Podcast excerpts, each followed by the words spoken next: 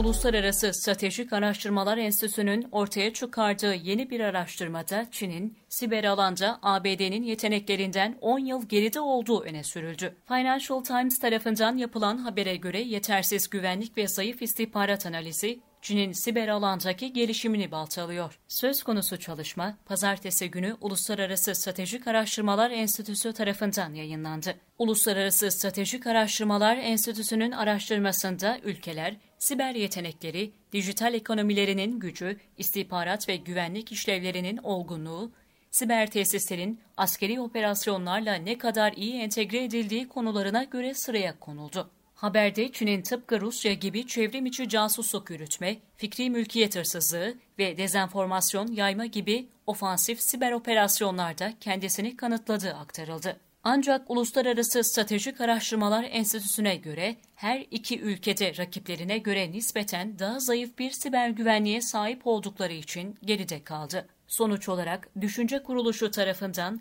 yalnızca ABD üst düzey siber güç olarak sıralanırken ikinci sırada Çin, Rusya, İngiltere, Avustralya, Kanada, Fransa ve İsrail yer aldı. Üçüncü katmansa Hindistan, Endonezya, Japonya, Malezya, Kuzey Kore, İran ve Vietnam'dan oluşuyor.